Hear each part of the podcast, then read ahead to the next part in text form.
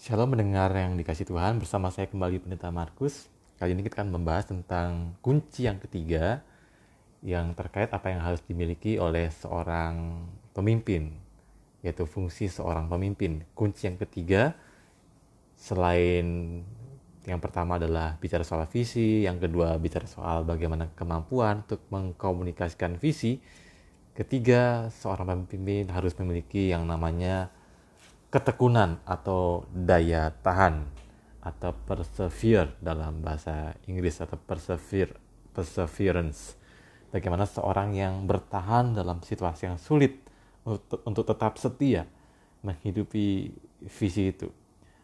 Mungkin dapat diperdebatkan bahwa perseverance atau daya tahan adalah lebih kepada sikap daripada sebagai sebuah fungsi. Bagaimanapun seorang pemimpin harus memilikinya tidak ada visi yang berharga yang akan dapat diwujudkan dengan mudah semudah membalik telapak tangan. Sebagaimana kembali ambil contoh Nehemia, sebagaimana yang Nehemia temui, dia ketika berusaha mulai menjalankan visinya, di sana ada oposisi atau orang-orang yang berlawanan, orang-orang yang berupaya menghalang-halangi, menghambat baik itu dari luar maupun permasalahan-permasalahan yang berasal dari dalam itu kita bisa baca dalam kitab Nehemia pasal 4 dan juga Nehemia pasal 5 maka dari itu seorang pemimpin adalah seorang yang semestinya tidak dengan mudah menjadi kecewa, putus asa, dan kemudian dia meninggalkan visinya. Seorang pemimpin sejati harus dapat bertahan menghadapi berbagai macam bentuk kekecewaan, hambatan, pertentangan dari orang-orang yang ada di sekitar dia, maupun tantangan hambatan dari dalam dirinya sendiri, misalnya luka-luka batin di masa lalu, atau mungkin juga kekecewaan, dia harus bisa mengatasi itu semua. Seringkali seorang pemimpin bahkan harus bersedia untuk pergi atau berjalan seorang diri sampai pada suatu saat orang-orang lain akan percaya, menaruh percaya pada kualitas kehidupan dan juga pekerjaan pengabdian yang dikerjakan oleh seorang pemimpin.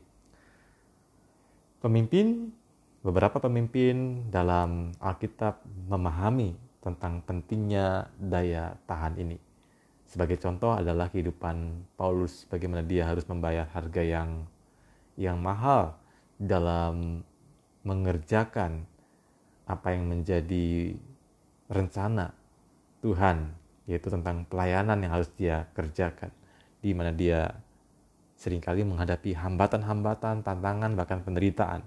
Kalau kita membaca dalam surat 2 Korintus pasal 4 ayat 8 sampai 10 di sana Paulus menuliskan 2 Korintus pasal 4 ayat 8 sampai 10. Dalam segala hal kami ditindas namun tidak terjepit, kami habis akal namun tidak putus asa. Kami dianiaya namun tidak ditinggalkan sendirian, kami dihempaskan namun tidak binasa. Kami senantiasa membawa kematian Yesus di dalam tubuh kami, supaya kehidupan Yesus juga menjadi nyata di dalam tubuh kami. Ini memperlihatkan bagaimana harga yang Paulus bayar untuk menghidupi visi Tuhan dalam dirinya, bagaimana dia membawa berita Injil kepada bangsa-bangsa lain. Sebagaimana Nehemia, di sini kita bisa melihat, misalnya kita membaca 2 Timotius pasal 4 ayat 7, 2 Timotius 4 7 ayat 2 Timotius 4 ayat 7 Paulus berhasil mengerjakan sampai tuntas pekerjaan yang yang ditetapkan Tuhan padanya.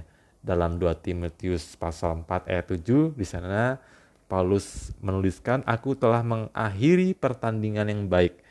Aku telah mencapai garis akhir dan aku telah memelihara iman."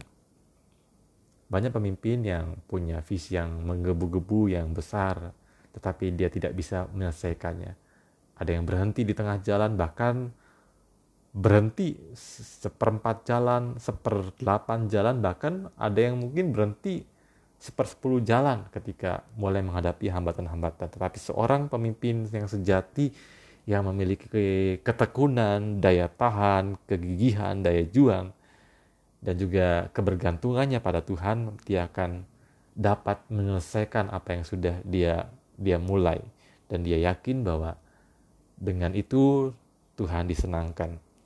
Maka menjalankan praktik kepemimpinan sering kali kita harus berani bayar harganya.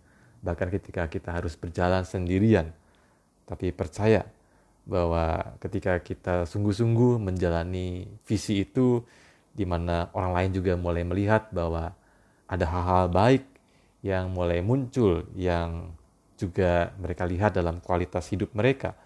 Bukan tidak mungkin mereka juga akan pada akhirnya mendukung, mengikuti kita, dan juga bekerja bersama-sama dengan kita.